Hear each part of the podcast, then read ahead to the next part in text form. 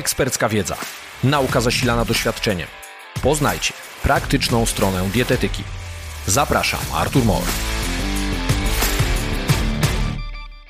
Cześć, dzień dobry. Witam w drugim odcinku podcastu Praktyczna strona dietetyki. Premiera za nami.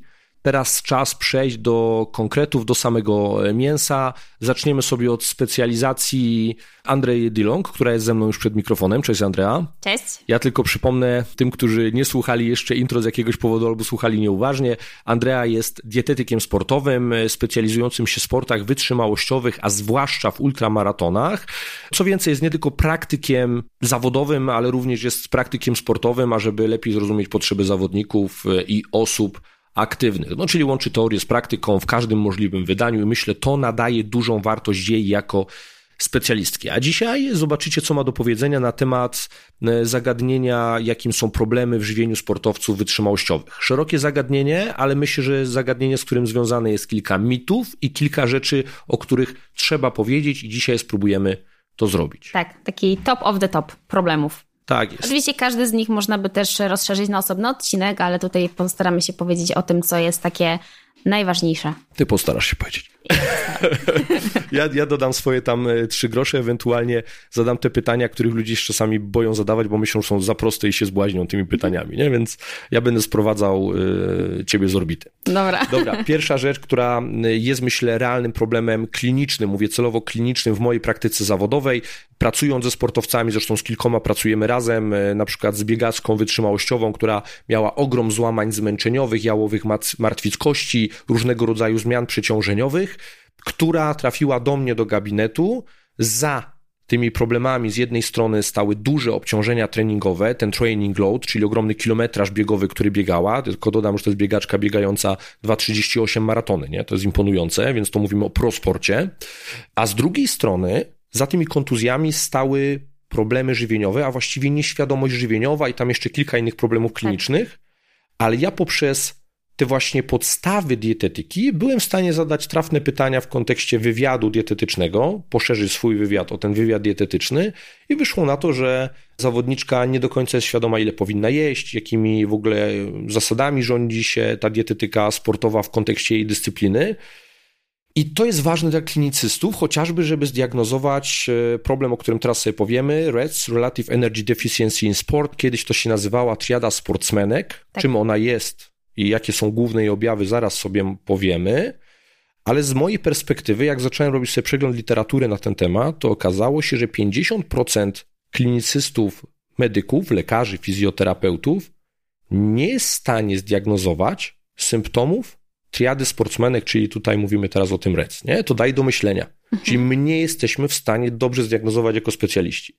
I teraz ja potrzebuję taki Andrzej Dylong, że im powiedziała, co ja muszę o tym wiedzieć, że jak do mnie przychodzi taki sportowiec wytrzymałościowy, o co ja go mam zapytać, nie? I co to jest NREC? Jeżeli chodzi o triadę atletek, to tutaj jakby no właśnie skierowane było to tylko do kobiet z w zasadzie jednej głównej przyczyny, bo żeby móc zdiagnozować triadę atletek musimy wyróżnić takie trzy punkty, czyli niska dostępność energii, którą rozwinę zaraz, czym to dokładnie jest, brak miesiączki, czyli to dotyczy tylko i wyłącznie kobiet, wiadomo, oraz niska gęstość mineralna kości, która bardzo, no można powiedzieć, bezpośrednio powiązana jest właśnie z brakiem cyklu menstruacyjnego, bo to jest cała oś hormonalna, gdzie brak hormonów e, w pewnym stopniu wpływa na zaburzenie tej gęstości mineralnej kości.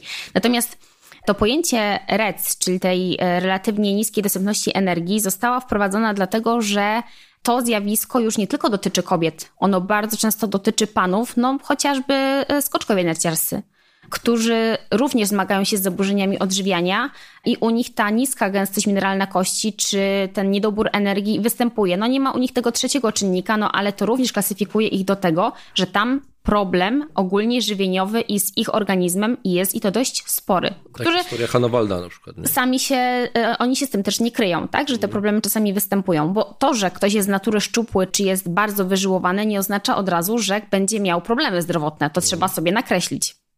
Nie możemy od razu, widząc osobę, że jest bardzo szczupła czy wręcz chuda, wnioskować, że ona ma zaburzenia odżywiania, bo to byłoby bardzo nieprofesjonalne i bardzo nie fair wobec tej osoby. Natomiast wracając do tej niskiej dostępności energii, czyli to, co nas interesuje w tym momencie najbardziej, kiedy klasyfikujemy niską dostępność energii, kiedy jakby, albo można jakby powiedzieć, co to w ogóle jest? Kiedy pokryjemy zapotrzebowanie energetyczne na aktywność fizyczną, to pozostaje nam jakaś pewna pula energii. I teraz tą pulę energii, która nam pozostaje, należałoby, która pozostaje na zapotrzebowanie tych podstawowych funkcji życiowych, typu oddychanie, wydzielanie hormonów, po prostu funkcjonowanie, takie podstawowe funkcjonowanie. I tą wartość należałoby teraz podzielić przez beztłuszczową masę ciała i wychodzi nam jakoś wartość kaloryczna. I teraz, jeżeli ta wartość jest poniżej określonych widełek, no to możemy wnioskować, że tam coś się zaczyna w organizmie sypać. Na przykład mamy zawodniczkę, która zjada w ciągu dnia 3000 kalorii. Na swój trening wydatkuje 2000, czyli zostaje nam 1000 kalorii na pokrycie jej podstawowych potrzeb. I załóżmy, że tam waży 50 kg. No to można sobie wyliczyć, ile tych kalorii zostaje ci tam w okolicach powiedzmy 20 plus minus. Takie normy, które pozwalają nam wnioskować o tym, że zawodniczka jest dobrze odżywiona, czy odżywiana w jakimś dłuższym okresie czasu, to są wartości między 30 a 45 kilokalorii na kilogram beztłuszczowej masy ciała. I to są wartości, które faktycznie pozwalają na pokrycie tych podstawowych potrzeb. Ale w sportach wytrzymałościowych, a już typowo w triatlonie, w kolarstwie wyczynowym, czy w moich tych biegach górskich, tutaj te potrzeby nigdy nie są zaspokojone. Tutaj zawodnicy mają tendencję do pójścia w bardzo niską masę ciała, no bo w kolarstwie również, natomiast w bieganiu, no, w żadnej dyscyplinie sportowej niska masa ciała, niska niski poziom tkanki tłuszczowej tak nie oddaje w wyniku jak w bieganiu. W żadnej innej dyscyplinie. Masa ciała do generowanej mocy. Jak tak, im większa dokładnie. moc z mniejszej masy ciała, no tym lepiej. Więc y, tutaj zawodnicy mają tendencję cały czas do tego, żeby tą masę ciała swoją obniżać. No, robią to oczywiście poprzez y, zwiększenie ilości godzin spędzonych na treningu oraz zmniejszenie ilości pożywienia, co jest najgorszą z opcji bo wszystko da się wypracować nawet będąc w mocnym sezonie takim treningowym. Natomiast trzeba po prostu robić to bardzo umiejętnie, żeby do tych konsekwencji nie doprowadzić. A konsekwencji jest mnóstwo, bo nie mówimy tutaj tylko o słaba regeneracja, czy tam zmęczenie złamaniowe kości, tam na przykład piszczelowej, bo bardzo często wśród biegaczy, biegaczek jest to zmęczeniowe złamanie e, kości piszczelowej. To jest tak naprawdę nic. To się może wydawać, że to jest bardzo poważny problem, ale my tutaj musimy pamiętać również o zaburzeniach snu. Oczywiście bezpośredni będzie miał wpływ również na regenerację organizmu, na zmniejszenie wydzielania hormonów, na zaburzenie całej osi hormonalnej, gdzie u kobiet będzie to skutkowało oczywiście zaburzeniem cyklu menstruacyjnego lub nawet jego brakiem. A jeżeli występuje to u młodych zawodniczek, to często konsekwencją jest po prostu brak możliwości zajścia w ciążę, jeżeli trwa to przez bardzo długi okres czasu i nie jest odpowiednio leczone. Konsekwencje, jeżeli chodzi o układ ruchu, no to mówiłam o tej gęstości mineralnej kości. Natomiast to nie jest wszystko, tak? Jeżeli chodzi o aparat ruchu, jeżeli chodzi o konsekwencje wynikające z braku dostępności energii. Bo pewnie będzie dochodziło do różnych naderwań, do różnych złamań też w innych, w innych układach. No, jak to wygląda ze strony aparatu ruchu, to już pewnie ty będziesz mógł się lepiej e, powiedzieć. Wszystko, to co powiedziałaś, wszystko się sypnie. Będą pojawią się jałowe martwice kości, złamania zmęczeniowe, tendinopatie, kontuzja za kontuzją. I to jest bardzo częsty objaw. Czyli jeżeli ja słyszę, że ktoś po latach sukcesów narastających, czyli latach zbijania wagi, robienia kilometrażu, poprawiania sobie tej mocy biegowej z każdego kilograma, nagle ma lata nieustających kontuzji, to ja od razu wnioskuję, że najprawdopodobniej mówiłem tam o recsie. Mhm. Bo mamy idealny scenariusz. Forma się budowała, masa spadała, wskoszło i potem nagle krach mhm. i to mhm. się utrzymywało w czasie ta kontuzja nie była incydentem, nie była wypadkiem przy pracy, nie była czymś, co mogło się zdarzyć, tylko te błędy są cały czas się ktoś utrzymuje, one cały czas trwają i to jest najczęściej jednym z nich jest zawsze to, o czym mówimy, czyli ten chroniczny deficyt energetyczny, czyli mówiąc jeszcze prościej, przewlekłe głodzenie się. Tak, no i takimi podstawowymi objawami to jest e, odczucie zmęczenia, niemożność dokończenia treningu, e, zaburzony sen, ciężkość w ogóle w skupieniu się, czy to w pracy, czy w takim normalnym, codziennym funkcjonowaniu, ogromna potrzeba e, odpoczynku, słaba oczywiście regeneracja, bóle mięśniowe, przy treningach, które kiedyś się w ogóle nie pojawiały, tak? I tutaj tak. jakby cała taka skada jest no bardzo, bardzo, bardzo szeroka. Ja czasami jakby ubolewam nad tym, że zapominamy o tym, że pogorszenie formy fizycznej sportowca, doprowadzenie go do stanu, kiedy przez sezon dwa walczy tylko z kontuzjami, ono będzie prowadziło do problemów natury psychicznej. Już o spadku motywacji do uprawiania danej dyscypliny już nawet nie mówię, bo to są najłagodniejsze tak. rzeczy, ale tam mogą się pojawić zmiany depresyjne. Jeżeli mówimy o sportowcu, który jest na jakimś poziomie, uprawia ten sport jako już swój zawód, czyli o sporcie zawodowym mówimy, i nagle on ma wizję utraty możliwości zarobkowania, zakończenia kariery z powodu tej kontuzji, to pojawiają się pytanie, pytania takie egzystencjonalne, problemy typowo behawioralno-kognitywne i to, to czasami potrafi skończyć karierę. A zaczyna się od czego? Od tego, że się jadło za mało. Tak. I ten ciąg przynowo-skutkowy, ja go widzę w praktyce. Ja widzę te końce karier z powodu kontuzji. Tylko ty nie te kontuzje kończyły kariery. To mhm. błędy sztabu szkoleniowego i medycznego, bądź tego sportowca, że takiego sztabu nie ma, błędy zaniechania, pominięcia, niezauważenia czegoś, które nawarstwiały się przez lata. Dlatego to jest ważne. Dobra, Andrea, próby wprowadzenia diet wysokotłuszczowych dla sportowców wytrzymałościowych. Mówiłaś o tym w intro, więc mhm. może w dwóch zdaniach to tylko powtórzymy. Czy diety tłuszczowe są najlepszą możliwą opcją dla sportowców wytrzymałościowych? To zależy. Okej. Okay. Czyli moje e, chyba wszystkich dietetyków ulubione podsumowanie każdego pytania. Wydawałoby się, że dieta wysokotłuszczowa odnajdzie się rewelacyjnie w sportach wytrzymałościowych, szczególnie tych o bardzo długim czasie trwania, jeżeli mówimy o moich e, dystansach ultra, gdzie wysiłek potrafi trwać 12 godzin albo kilka dni nawet czasami, no to no, nie jest biegacz w stanie biec przez tyle godzin, tyle czasu, tyle dni na wysokiej intensywności, więc intensywność wysiłku relatywnie spada tam do 40-50%. Więc mamy cały czas dostęp, organizm ma dostęp do tlenu. Więc wydawałoby się, że utlenianie kwasów tłuszczowych będzie zachodziło bardzo sprawnie. Natomiast w praktyce okazuje się, że węglowodany jednak biją na łeb na szyję. Oczywiście tutaj w ultra znowu, że ono jest odklejone trochę od podstaw dietetyki sportowej. Tutaj trzeba znaleźć złoty środek pomiędzy ilością węglowodanów, a nawet też kwasów tłuszczowych czy białka dostarczanego w trakcie, bo tutaj ta dyscyplina rządzi się troszkę swoimi prawami. Natomiast jeżeli mówimy o sportach wytrzymałościowych typu triatlon czy kolarstwo, no to tutaj węglowodany rządzą. Tutaj nie ma w ogóle co do tego wątpliwości. Dlatego, że ja kiedyś miałam przyjemność współpracować z zawodnikiem, który bardzo chciał tą ketozę wprowadzać. Było to modne, on uznał, że będzie się czuł na tym fantastycznie. Wytrzymał pół roku, po czym okazało się, że kiedy przyszło do wykręcania wyników i ich próba pracy nad szybkością i osiągania coraz to lepszych e, swoich wyników i osiągania podium, to okazało się, że na diecie wysokotłuszczowej nie da się tego zrobić, bo na diecie wysokotłuszczowej jesteśmy w stanie trenować długo i wolno, ale jeżeli chcemy bić rekordy, to tutaj potrzebujemy węglowodanów. No właśnie, ja mam też takie przekonanie na podstawie skromnego przeglądu literatury, że te węglowodany, one są game changerem dlatego, że kiedy pojawiają się w sportach te zrywy, te właśnie interwały, tak. te elementy o wysokiej intensywności, kiedy jednak będziemy potrzebowali tych beztlenowych przemian energetycznych, Dokładnie. to te węglowodany pomagają nam zaspokoić i pokryć potem te deficyty energetyczne w wyniku tego interwału. I o ile to, to jest jakiś tam jeden interwał, czy dwa w jakimś tam wyczynie, to ok, do tego tam nie powinno braknąć. Problem się pojawia, jeżeli tych odcinków tej wzmożonej intensywności, na przykład w kolarstwie podjazdów jest mhm. więcej, więcej, więcej, tak. więcej, więcej, coraz bardziej intensywne i teraz skończył się jeden, wystrzelaliśmy się, no i teraz z czego odbudujemy? Z, jaki jest proces odbudowywania glikogenu na długim nawet dystansie z, z białka? No, glukoneogeneza, nie? Mhm nieefektywny proces. No nie, tutaj nie. białko jest, jest, dostarczane, owszem, natomiast ono jest bardziej w kontekście tam regeneracji włókien mięśniowych, tak. kiedy to uszkodzenie już jest bardzo duże, kiedy ten wysiłek trwa bardzo długo. Natomiast no, z białka raczej nie korzystamy w trakcie wysiłku. To pokazuje irracjonalność, nie? że po prostu no, chcemy tego glikogenu, a, a z tych substratów, które nie są węglowodanami, nie są zwłaszcza cukrami prostymi, jest to trudniejsze. Tutaj też poniekąd była kwestia oszczędzania tego glikogenu mięśniowego, bo cała idea tych diet wysokotłuszczowych wzięła się z tego, że Glikogenu jesteśmy w stanie zgromadzić w organizmie w jakiejś określonej ilości. To zależy od masy mięśniowej danego zawodnika, zależy od jego też y, możliwości wchłaniania dużych ilości węglowodanów, które też należałoby wypracować, bo, bo to jest też kwestia bardzo osobnicza i wymaga ona treningu. Nie mówię tylko o wykorzystywaniu węglowodanów, ale również ich gromadzeniu. I teraz zasoby tłuszczu, no mamy w organizmie nieograniczone. Tylko, że musimy pamiętać o tym, że takie słynne powiedzenie tłuszcz spala się w ogniu węglowodanów, czyli nawet stosując dietę wysokotłuszczową, te węglowodany są nam potrzebne. To jest e, pierwsza kwestia.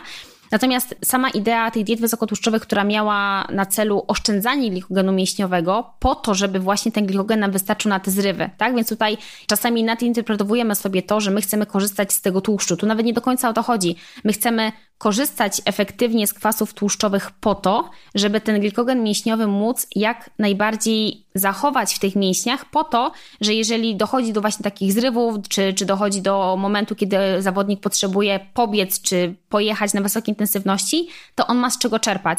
Bo kolejnym problemem, który występuje w sportach wytrzymałościowych, jest nieumiejętność dostarczania sobie odpowiedniej ilości energii w trakcie. I na to się składa różne, składają się różne powody, między innymi występowanie problemów żołądkowo-jelitowych, które uniemożliwiają dostarczanie odpowiedniej ilości energii. I teraz, jeżeli my ten glikogen mamy zgromadzony, to on nam daje jakąś swego rodzaju rezerwę. No ale ta rezerwa jest ograniczona, tak? A w trakcie wysiłku nie możemy mówić o tym, że my jedząc węglowodany w trakcie wysiłku będziemy ten glikogen w jakiś sposób uzupełniać, bo on będzie zużyty na pokrycie tych y, bieżących y, potrzeb. Więc oczywiście wytrenowanie organizmu po to, żeby efektywnie korzystał z kwasów tłuszczowych, które i tak ma zgromadzone, w sensie te pokłady tłuszczu, jest jak najbardziej dobre, chociaż jest to trudne do wypracowania, tak naprawdę też jest bardzo uzależnione od, y, od takich umiejętności osobniczych i, czy kwestii osobniczych i wymaga nie tylko odpowiedniego żywienia, ale i też treningu, który będzie wspierał te nasze metody żywieniowe. I to nie jest łatwe ani przyjemne dla zawodnika, ale takie metody się oczywiście wykonuje. Natomiast skrajnością jest prowadzenie diety wysokotłuszczowej i tak naprawdę narażanie tego zawodnika chociażby też na różnego rodzaju kontuzje, zmęczenie, no bo jeżeli ktoś stosował sobie chociaż przez kilka dni dietę wysokotłuszczową, to wie jak się czuje bez węglowodanów. I teraz wyobraźmy sobie, że mamy na tym trenować, tak? No, to tam... Oczywiście ktoś, kto jest przyzwyczajony, Właśnie kto wchodzi w stan na przykład ketozy i jest przyzwyczajony, bo jeszcze teraz dieta ketogeniczna, a dieta wysokotłuszczowa to są też dwie różne kwestie. Mhm. Tego też nie należy mylić. Natomiast jeżeli ktoś jest do tego przyzwyczajony, to na pewno będzie dużo lepiej się czuł i funkcjonował i trenował nawet na takiej diecie. Natomiast no, nie da się ukryć, że ci najlepsi sportowcy, oni jednak na dietach wysokotłuszczowych nie są. Mhm. A na pewno wytestowali, no bo trudno, trudno założyć, Na pewno że... tak. Były też próby podawania ketonów z zewnątrz w formie zastrzyków, natomiast ten pomysł, może nie chcę mówić, że upadł, ale są to tak drogie, skomplikowane badania, że no na ten moment wypłynęły na światło dzienne może kilka badań. No, mogę się mylić, może było ich troszkę więcej, natomiast y, no, nie zostało to skutecznie upowszechnione w dietetyce sportowej, więc tego się po prostu na co dzień nie stosuje. Okej, okay. to teraz tak. Ładowanie glikogenem ma sens w takich sportach wytrzymałościowych, czy nie? Uzupełnianie rezerw glikogenu. Ładowanie. Ładowanie węglowodanami? tak. tak. jak najbardziej. I to mhm. obojętnie, czy będziemy mówili o dystansie maratońskim, bo ładowanie węglowodanami najczęściej kojarzy nam się z maratonem, z maratończykami, mhm. tak? Tak. I teraz, Do tego nawiązuje, no. Tak, i teraz y, w zależności, co mamy na myśli, mówiąc o ładowaniu węglowodanami, bo ładowanie węglowodanami to nie jest ładowanie energii. To nie jest pójście na pizzę, na frytki czy na spaghetti. To jest specjalny protokół, który zakłada około 10 do 12 gramów węglowodanów na kilogram masy ciała, które należy przyjąć w ciągu dnia, więc to są bardzo duże ilości, zależy się oczywiście od masy ciała zawodnika. I my chcemy sobie dostarczyć maksymalnie węglowodany, unikając tłuszczu, białka błonnika, ze względu na to, że ograniczają wiązanie glikogenu. I znowu, to, że my sobie na przykład naładujemy te mięśnie tymi węglowodanami, zwiążemy glikogen, nie zwalnia zawodnika z tego, żeby on w trakcie wysiłku jadł. Bo zawodnicy często mają takie przeświadczenie, że a jak podładowałem węglowodany, to tam nie muszę się trzymać tych widełek tam 60 czy tam 70 gramów węglowodanów na godzinę, no bo przecież mam ten glikogen naładowany. Tak, natomiast mówiąc już liczbami, bo to wynika z mojej praktyki, jeżeli ja planuję komuś ładowanie węglowodanami, to, to ilość energii, którą dostarcza w ciągu dnia z powodu doładowania, przekracza jego zapotrzebowanie o 1000, tam 1500 kilokalorii do 2000 gdzieś tam w porywach, w zależności właśnie od masy ciała zawodnika. Taki przyjęty weekend Kowalskiego. No, dokładnie, tylko że on tam nie ma samych węglowodanów niestety, bo tam jeszcze tak. się pojawia alkohol i tam takie tak, różne tak, inne tak. fajne, niektórzy, fajne rzeczy. Czyli niektórzy stosują protokoły ładowania co sobotę. Ale energią, nie węglowodanami. Poniekąd. To jest bardzo ważne. Natomiast jeżeli ktoś na przykład biegnie nawet maraton, powiedzmy, że nawet i obojętnie czy będzie go biegł długo, czy będzie go biegł krócej, ale intensywniej, no to jego wydatek energetyczny podczas tego wysiłku będzie dużo większy niż te 2000. Więc to nie jest tak, że my się podładowaliśmy po to, żeby później faktycznie już nic nie jeść. Chodzi o to, że my dostarczając sobie tych węglowodanów w trakcie, oszczędzamy poniekąd ten glikogen, który mamy zgromadzony, bo jeżeli na przykład zawodnik na godzinę spala 400 kalorii, no to on nie dostarczy sobie z żelu i z izotonika 400 kalorii. Więc po to ma te zapasy, żeby właśnie na bieżąco móc ten wysiłek przy danej intensywności kontynuować i unikać zmęczenia. No to właśnie to, co mówisz, to chociażby ten wydatek energetyczny związany z uprawianiem danej dyscypliny, z tym wykonem sportowym, to jest ta ogromna różnica względem e, tych wszystkich sportów siłowych czy siłowo-szybkościowych, tak, gdzie są inne ma. kalkulacje. Tak, tak tego no totalnie nie ma. Nawet jeżeli mamy takiego osobę, która ćwiczy dla sylwetki na siłowni, nie? no wiemy, mhm. że żeby stworzyć optymalne warunki dla tej hipertrofii, którą załóżmy robi, to niech to będzie te 10, może jak to jest duża osoba zaawansowana, 20% e, względem tego zapotrzebowania mhm. energetycznego. Nie? Tu mówimy o małych wartościach i de tak. facto jak on przypilnuje sobie podaży białka, około tych 2 gramów na kilogram masy ciała, dorzuci kilka kostek ptasiego mleczka, sprawa załatwiona, nie? To jest, wiesz, to jest szybka akcja, nie? I, tak. i to zadziała, tak. bo, bo spełnione są te główne kryteria. Trening siłowy, podaż białka i lekko zwiększona podaż kalorii. Koniec. Mhm. A tu nagle masz ten wysiłek, który sam w sobie jest dużą wartością liczbową w kontekście kalorii. Tak. To musisz przeliczyć. Tak. Dokładnie. I ty, dokładnie. I ty, musisz uzupełnić te kalorie. I to nie tylko uzupełnić sobie w perspektywie tygodnia czy dnia, nie, tylko nie, nie, czasami w oknie czasowym wysiłku. W ostatnim czasie pojawiło się badanie, które porównywało jakby różnice między kobietami i mężczyznami. Czy ładowanie węglowodanami przynosi lepsze korzyści u mężczyzn i u kobiet? Jakbyś powiedział? Czy jest różnica? E, u mężczyzn. Lepiej? Ja obstawiam u mężczyzn. Tak. Dlatego, że kobiety bardzo często chodzą niedożywione. Hmm. Jeżeli kobieta przez długi okres czasu, nie mówimy tu o tygodniu, właśnie, że ona się przez tydzień przepilnuje i będzie jadła według swojego zapotrzebowania, biorąc pod uwagę również trening, tylko jeżeli to będzie co najmniej kilka miesięcy takiego faktycznie prawidłowego żywienia, odżywiania się, biorąc pod uwagę wysiłek, jaki, jaki wykonuje i te treningi, które wykonuje, to wtedy, jeżeli my przeprowadzimy to ładowanie węglowodanami w sposób prawidłowy, to to, że tak powiem, odda na tych, na tych zawodach. Natomiast jeżeli kobieta jest cały czas y, w chronicznej redukcji i to redukcji na poziomie 300, 4, nie tam 100 kalorii, tylko 300, 400, czasami nawet i 500, no jak ona zrobi ładowanie węglowodanami, to ona pobiegnie te zawody, że będzie się czuła dobrze. Ale tutaj do wykręcania wyniku i bicia rekordów mamy jeszcze bardzo daleko. A u mężczyzn jednak tendencja jest w drugą stronę, tak? Że wy raczej, raczej macie nadwyżkę kaloryczną niż niedobór energii. Tak mówię bardzo w ogólnym ujęciu. Natomiast wasz organizm też dużo lepiej sobie radzi, czy to w sytuacji nadwyżki, czy deficytu. Jeżeli mężczyzna jest aktywny, to tutaj ta rotacja w tych kaloriach jest jakby dużo łatwiej mm, przez organizm przerabiana, że tak powiem, niż, niż u kobiet, bo u nas ten układ hormonalny jest wrażliwy i tak dalej, i tak dalej. Natomiast faktycznie jest tak, że, że mężczyźni e, dużo lepiej też znoszą ładowanie węglowodanami, bo ilości do przejedzenia są bardzo duże. Kobiety często mają czy to blokadę psychiczną. Tak, ja, ja czy... w ogóle uważam, że ja się śmieję czasami że do drugorzędowych cech płciowych powinno się dodać, że kobiety chcą całe życie zrzucić 5 kg, tak. a mężczyźni zrobić 5 kg masy tak mięśniowej. I to rozróżnia płcie tak od siebie. Jest. Tak jest. Ten prosty cel. Więc y, jeszcze podsumowując, tak, ładowanie węglowodanami w sportach wytrzymałościowych ma sens. A jeżeli mówimy jeszcze o sportowcach, którzy stosują diety wysokotłuszczowe i nawet startują e, w zawodach i chcą poprawiać swoje wyniki, to nie zapominajmy o tym, że oni węglowodany w trakcie wysiłku też przyjmują. Tam są troszkę inne formy węglowodanów, stosuje się troszkę inne produkty, tam te wartości są nieco inne.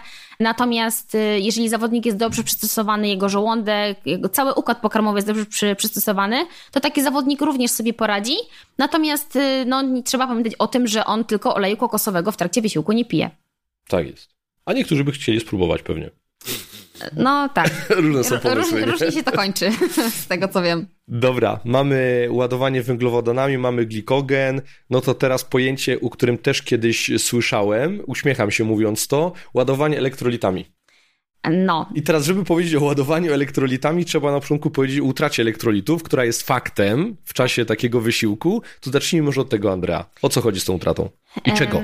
Czym są te elektrolity i które konkretnie tracimy? My bardzo często przez pryzmat elektrolitu widzimy tylko sód.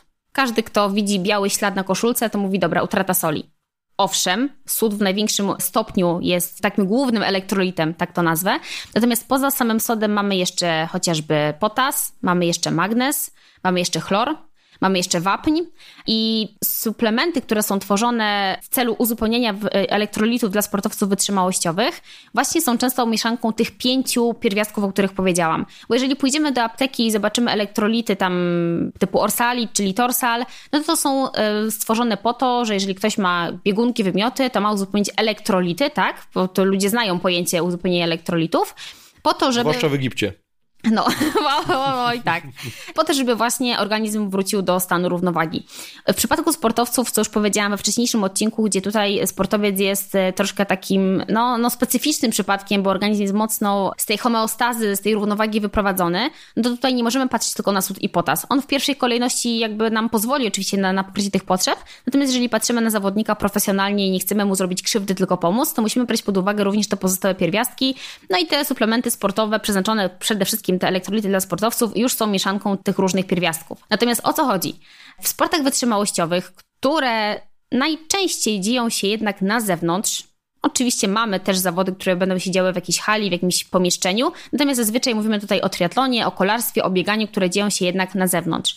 Bardzo często te zawody jednak dzieją się w okresie wiosenno-letnio-jesiennym, też czasami zahaczają, kiedy temperatury i wilgotność powietrza są wysokie. To jest oczywiście jeden z warunków, ale to jest naj, najlepiej to obrazując.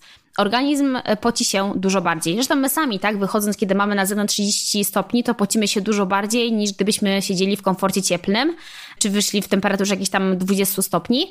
Natomiast u sportowców wytrzymałościowych ta temperatura też jest bardziej podkręcona, tak, z uwagi na wysiłek.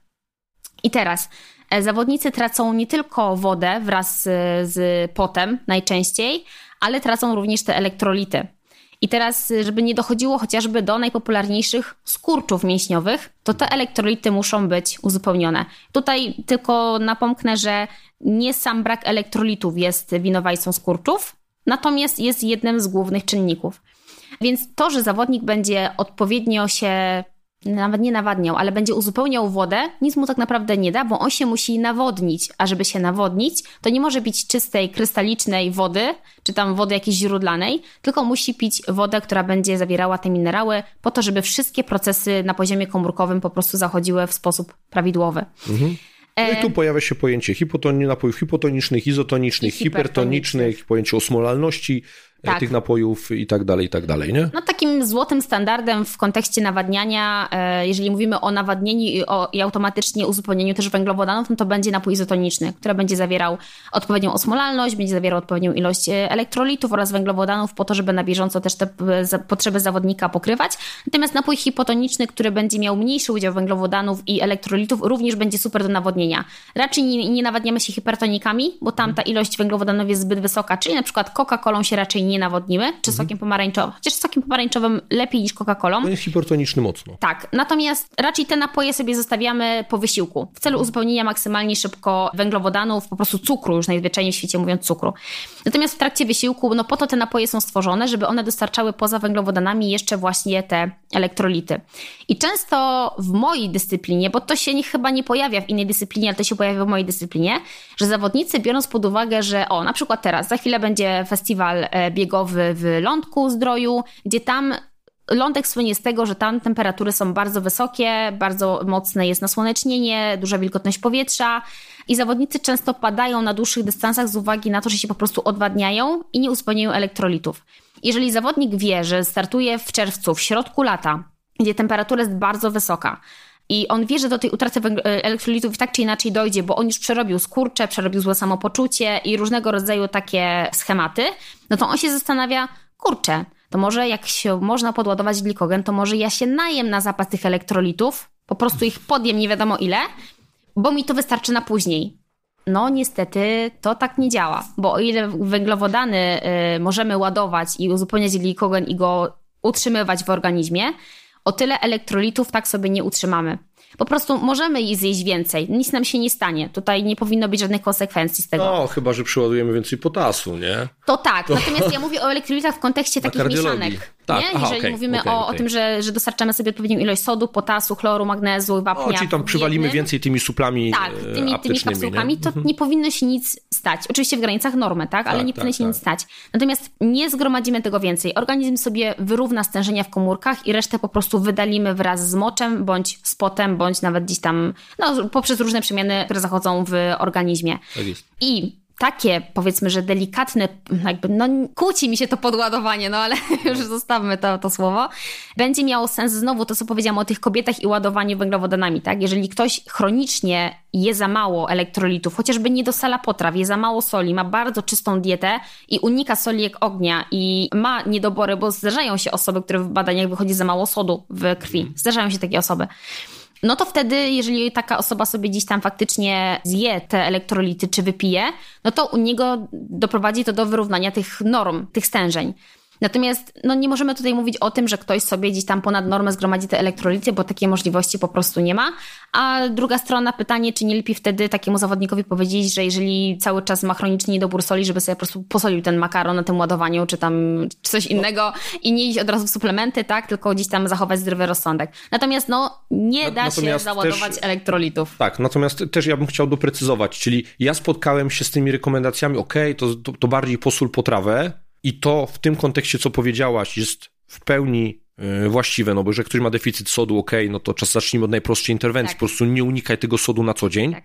Natomiast spotkałem się znowu z przekoloryzowaniem tego i z trochę takim odwróceniem, gdzie nawet w sportach siłowych, gdzie już to ma mniejsze znaczenie, mhm. ten sód potas co najwyżej w kontekście pompy sodowo-potasowej, mhm. ale jakby nie urasta do rangi tak istotnego, istotnej interwencji jak e, w sportach wytrzymałościowych, sugeruje się, żeby przywalili na przykład e, łyżkę soli zawodnicy sportów siłowych. Mhm. Spotkałem się z tym. Jest to mhm. totalna brednia, farmazon to w ogóle nie ma żadnego poparcia, że ma to sens. Co więcej, trzeba jasno powiedzieć, że my populacyjnie mamy problem z soleniem za dużo. Tak. Nie? To też to trzeba, to, znowu to są te konteksty, nie? Czyli jak sobie tak. patrzymy na ten sód i solenie, to w tak. sportach wytrzymałościowych to, co powiedziałaś, to, co się mówi w sportach siłowych, to są to temu bliżej bredni i trudno nadać jakiś rzeczywisty kontekst, a w kontekście populacyjnym mamy problem ze zbyt dużym soleniem. Nie? Tak. Czyli sód w trzech kontekstach i nagle się okazuje zupełnie inaczej patrzymy na problematykę. W sportach wytrzymałościowych to uzupełnianie elektrolitów w trakcie wysiłku ma taki oddźwięk po prostu zdrowotny bo o ile to, co powiedziałeś o sportach siłowych, to jest jakaś interwencja, która ma poprawić performance zawodnika na treningu, tak? Czy na zawodach. W teorii, nie? Bo w praktyce nie no, ma co tam poprawiać. W teorii, tak. tak. Tak tutaj, jeżeli mówimy o zawodnikach sportów wytrzymałościowych, to ma wpłynąć też na taki aspekt zdrowotny, żeby ten zawodnik sobie po prostu krzywdę nie zrobił. To wpływa po prostu na jego bezpieczeństwo, bo też trzeba powiedzieć o tym, że Nawodnienie jest bardzo, bardzo ważnym aspektem, a ja też pracuję z zawodnikami, którzy początkowo wypijali 250 ml na dwugodzinnym treningu na zewnątrz. To patrz, jakie ja teraz wartości przytoczę. Już 1% ubytku masy ciała pogarsza pracę układu krążenia, obniża wydolność sportowca o 10% w kontekście odwodnienia. Tak.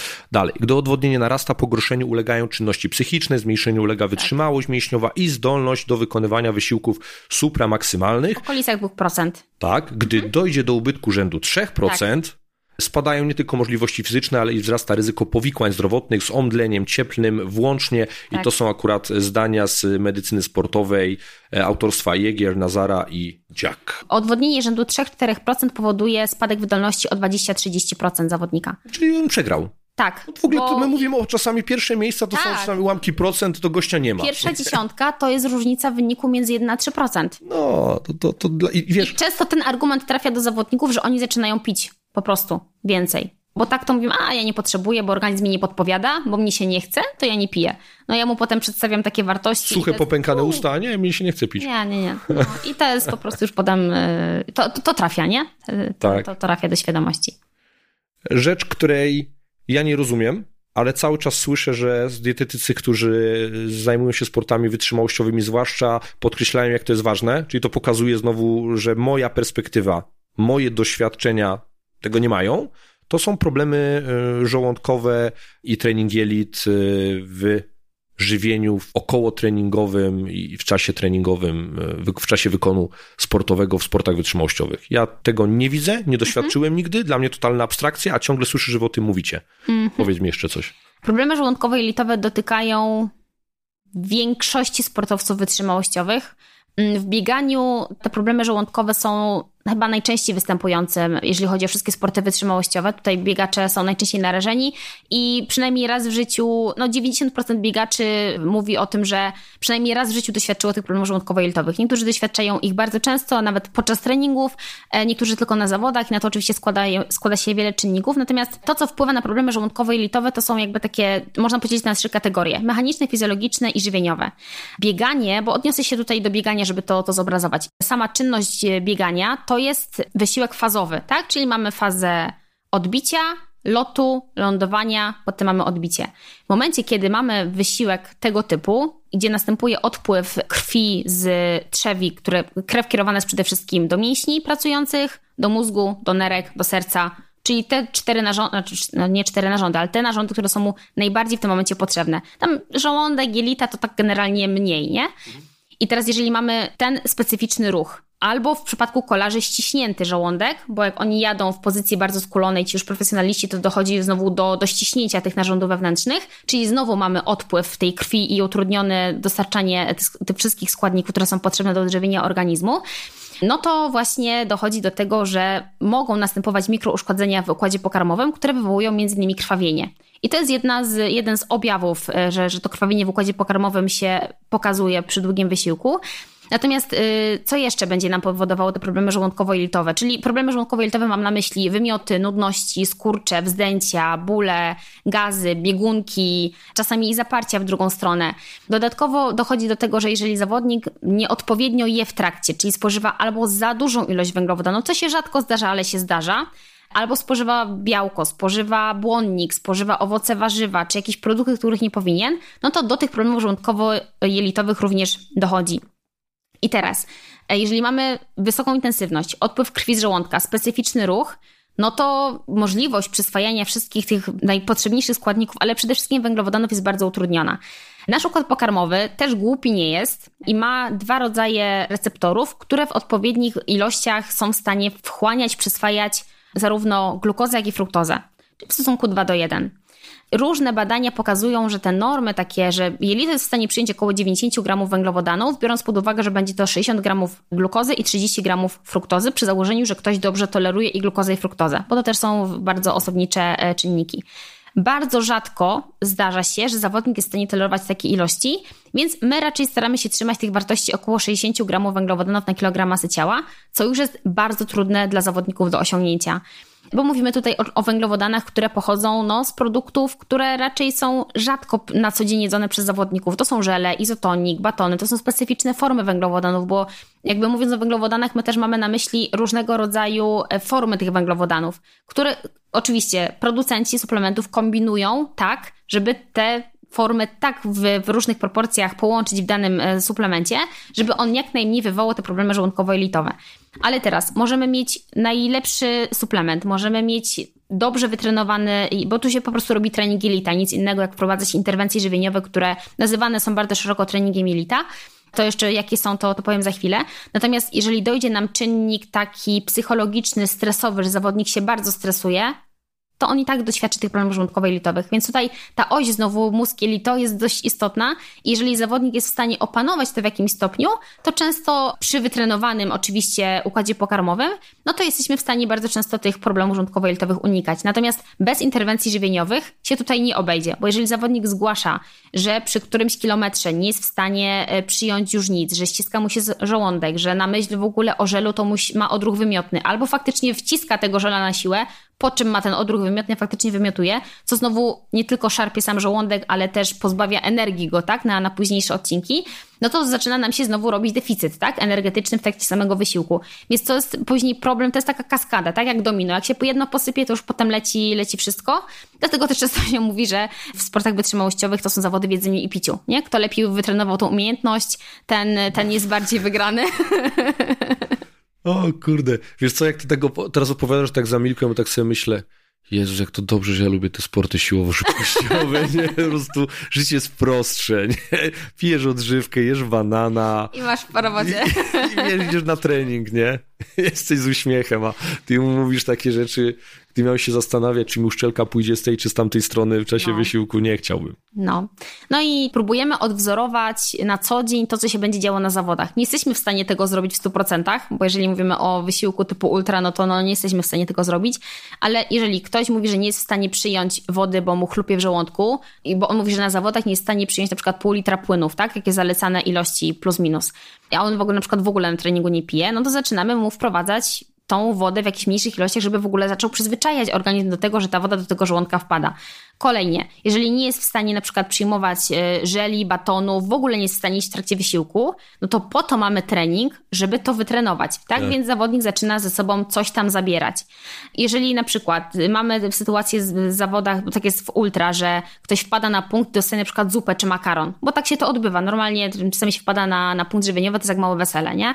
To on musi się nauczyć tego, że jak zje posiłek nawet gdzieś tam objętości dwóch, dwóch pięści, to on po tym znowu wpada w obroty swoje i zaczyna biec. I tak. musi organizm sobie poradzić z tym, że po posiłku jest wysoka intensywność. I to jest kilka z takich metod, które się wprowadza. No bo oczywiście nie da się wszystkiego wprowadzić naraz, ale czasami po prostu zwiększenie ilości węglowodanów w diecie zawodnika powoduje lepszą jego tolerancję. Bo jeżeli mówimy o kolarzach czy triatlonistach, to oni raczej tam się nie posiłkują żadnym makaronem, pizzą czy jakimiś innymi rzeczami w trakcie, chyba że są to dystanse ultra. No bo na, na Ironmanie czy tam na Ultramanie to tam takie rzeczy się dzieją. Robert Karaj swego, swego czasu opowiadał, że przecież jadł pizzę, bo przy basenie miał położony karton czy gdzieś tam, bo po prostu miał ochotę na pizzę i go o to prosili, nie? Znaczy i go, y, on, on, on support swój o to prosił, więc później tam to faktycznie zjadał. Natomiast y, w kolarstwie czy w triatlonie, takim klasycznym, na klasycznych dystansach takie rzeczy się nie zdarzają, więc zwiększenie ilości węglowodanów w ciągu dnia powoduje naturalnie wytworzenie większej ilości receptorów w jelitach, które będą w stanie te węglowodany później strawić. I to jest jedna z najprostszych y, metod, a często sami my po prostu się tego pozbawiamy, jedząc za mało najzwyczajniej w świecie i unikając węglowodanów, no bo powszechny mit od węglowodanów się tyje. A tymi mitami też się zajmiemy na pewno. To myślę jest w ogóle cały czas nieustannie ciekawy temat, który nie chce wymrzeć śmiercią naturalną. Tak. Dinozaury wymarły, a mity cały czas wiecznie żywe. Tak. Dobra, ostatni punkt, który chciałbym z Tobą poruszyć, może tak ogólnie, bo myślę, że to jest w ogóle przedmiot na rozmowę z osobnym jeszcze specjalistą, którego gdzieś tam mamy z tyłu głowy, a temat to diety roślinne jako taki game changer w sportach wytrzymałościowych. Czy jest to game changer? Czy bliżej temu game changerowi do tego paradokumentu, który był na Netflixie? W mojej opinii opcja numer dwa. Mhm. Ale znowu, ja nie powiem tutaj takiego jednoznacznego stanowiska, że dieta roślinna w sporcie, w sportach wytrzymałościowych nie ma miejsca, bo ja sama współpracuję z zawodnikami, którzy są na diecie roślinnej i osiągają super wyniki. Natomiast to jest bardzo kwestia osobnicza, bo jeżeli ktoś zmusza się i na siłę sobie odmawia tych produktów odzwierzęcych, a organizm się o nie upomina, i badania lecą na łeb, na szyję i w ogóle zawodnik ledwo chodzi. Tam żelazo ferytne to prawie w organizmie nie ma i on w ogóle ledwo funkcjonuje, ale upiera się, bo czasami jest to kwestia ideologiczna i z tym się nie da, znaczy nie powinno się uważam z mojego punktu, ja nie, nie powinnam nikogo gdzieś tam przekonywać do swoich ideologii, czy mu tam powiedzieć, że on nie powinien tak myśleć, więc to jest już kwestia do przerobienia samemu. Natomiast jeżeli e, ja faktycznie widzę, że, że danemu zawodnikowi ta dieta roślinna, taka stricte roślinna, mówimy o diecie wegańskiej, nie służy, i nie poprawia mu wcale wyników, ani tym bardziej zdrowia, raczej mu to zdrowie rujnuje, no to moim obowiązkiem jest takiej osobie to przedstawić, tak? I powiedzieć i po prostu znaleźć rozwiązanie na ten problem. Często jest tak, że ktoś po prostu z weganizmu wraca do wegetarianizmu, bo jakieś drobne ilości wprowadzenia tych produktów odzwierzęcych powodują, że jego organizm funkcjonuje dobrze. Ale mam też zawodników, którzy są na diecie wegańskiej 3-4 lata, cały czas sobie kontrolują, bo ta dieta jest po prostu dobrze ułożona, jest kontrolowana cały czas na bieżąco. Zawodnik również sam ma dosyć wysoką świadomość swojego organizmu i tego, jak się czuje i jak funkcjonuje. I w badaniach wszystko jest ok, no to możemy powiedzieć, że ta dieta u niego faktycznie ma realne korzyści. Ale to nie jest tak, że teraz należałoby dietę mieszaną w ogóle odsunąć albo, albo przestać jeść mięso. Możemy je ograniczyć z różnych powodów, już nie wchodząc bardziej w szczegóły. Natomiast nie można powiedzieć, że dieta roślinna w sportach wytrzymałościowych nie ma miejsca, albo że, na, że powinniśmy usunąć e, mięso, bo ono nam szkodzi i nie pozwala osiągać wyników. Absolutnie nie. Tylko trzeba mieć na uwadze to, że jeżeli zawodnik się decyduje e, już na, na faktyczne trenowanie e, i życie w ogóle, będąc na diecie roślinnej, typowo diecie wegańskiej, no to nie jest to takie łatwe. No Oczywiście właśnie. tutaj problemy żołądkowo-jelitowe też mogą mieć miejsce z uwagi na bardzo duże ilości błonnika. I nawet nie upierałabym się tak bardzo o ilości białka, tak? Bo to jest takie najczęściej, że wysoka ilość błonnika i bardzo mała ilość białka to też nie jest tak do końca, bo jeżeli dieta jest mądrze ułożona, i nie mówię tutaj o tym, że trzeba teraz e, odżywkę białkową mieć łyżkami, bo to też nie o to chodzi, taką dietę można w bardzo prosty sposób zbilansować i też niekoniecznie tylko i wyłącznie korzystając z produktów przetworzonych, które mamy w sklepach, bo teraz za chwilę to połowa sklepu będzie e, jakby wypełniona produktami wegańskimi, tak. których jakość czasami pozostawia wiele do życzenia. Bo oczywiście znowu nie powiem, że wszystkie produkty takie przetworzone są złe, no ale niektóre, no może jednak powinniśmy ich unikać. Natomiast da się wszystkie te potrzeby pokryć i da się zmniejszyć ilość błonnika i da się zwiększyć ilość białka. Natomiast trzeba to robić mądrze, no i zawodnik musi też po prostu znać swoją tolerancję albo nad nią po prostu e, pracować. E, natomiast tak jak mówię, tutaj jest bardzo duża świadomość, mhm. potrzeba świadomości swojego organizmu, no i kontrolowanie tego badaniami. Tak. Ja taki postulat na podstawie własnych doświadczeń, z uwagi na to, że prowadzę klub sportowy, gdzie przewija się wielu klubowiczów, był moment, kiedy miał premierę wspomniany przeze mnie paradokument Game Changer na Netflixie i pojawił się wysyp, myślę, że nie tylko w ramach tego klubu, tylko w ogóle w skali polskiej, a myślę i świata, osób, które zachłysnęły się, zafascynowały tym, jakie profity mogą czerpać z diet roślinnych Jaki był efekt? Efekt przyszedł po czasie, czyli te osoby podjęły najprostszą możliwą decyzję, przestały jeść produkty odzwierzęce, wywaliły mhm. mięso i całą resztę. Tak. No i doprowadziły do tego, o czym tu powiedziałaś, chociażby spadło im żelazo, ferytyna, w konsekwencji miało to impact na chociażby wskaźniki czerwonokrwinkowe, czyli erytrocyty, hemoglobinę, hematokryt, zaczęły się gorzej czuć. No nic mhm. dziwnego. Oczywiście te konsekwencje były odroczone w czasie, no bo mhm. zapasy ferytyny, umiejętność tak, tak, odzyskiwania tak. żelaza, chociażby przez wyłapywanie tych aktywnych białek w postaci transferyny, tych resztek żelaza z umierającego erytrocytu, to wszystko sprawia, że organizm nie tak łatwo jest zajechać, nawet zabierając mu całkowicie to żelazo z diety, podobnie z witaminą B12 i jeszcze kilkoma substratami, ale udało im się. W większości się to udało, bo było to zrobione bez opieki dietetyka, było to zrobione w najprostszy możliwy sposób, czyli nie mhm. będę jadła produktów odzwierzęcych, koniec, kropka. Mhm. I to jest, myślę, największe wyzwanie i ryzyko dla generalnej populacji związane z dietami eliminacyjnymi, cokolwiek mhm. byśmy nie eliminowali. Niedobory. Niedobory czegoś, które zawsze się pojawią, jeżeli nie zastępujemy tego, co waliśmy, czymś, co powinno to zastąpić. Taki mój postulat, ja to widziałem w praktyce. Mhm. Czyli nie będąc dietetykiem, widziałem pogorszenie możliwości psychofizycznych wielu klubowiczów w klubie z uwagi na zrobienie tego na pałę. Mhm. Odradzam.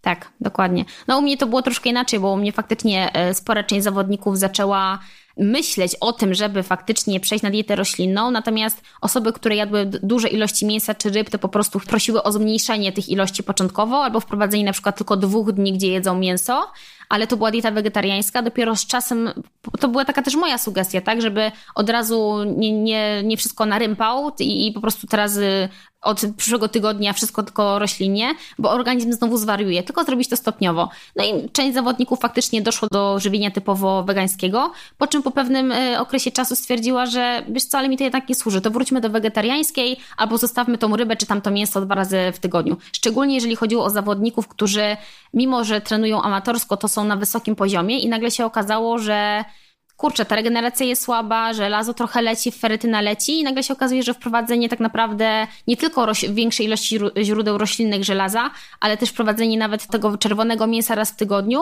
spowodowało, że te wyniki udało nam się bardzo ładnie poprawić, no i ten zawodnik po prostu przestał iść za ideologią i za modą, tylko posłuchał swojego organizmu i dopasował to żywienie do siebie.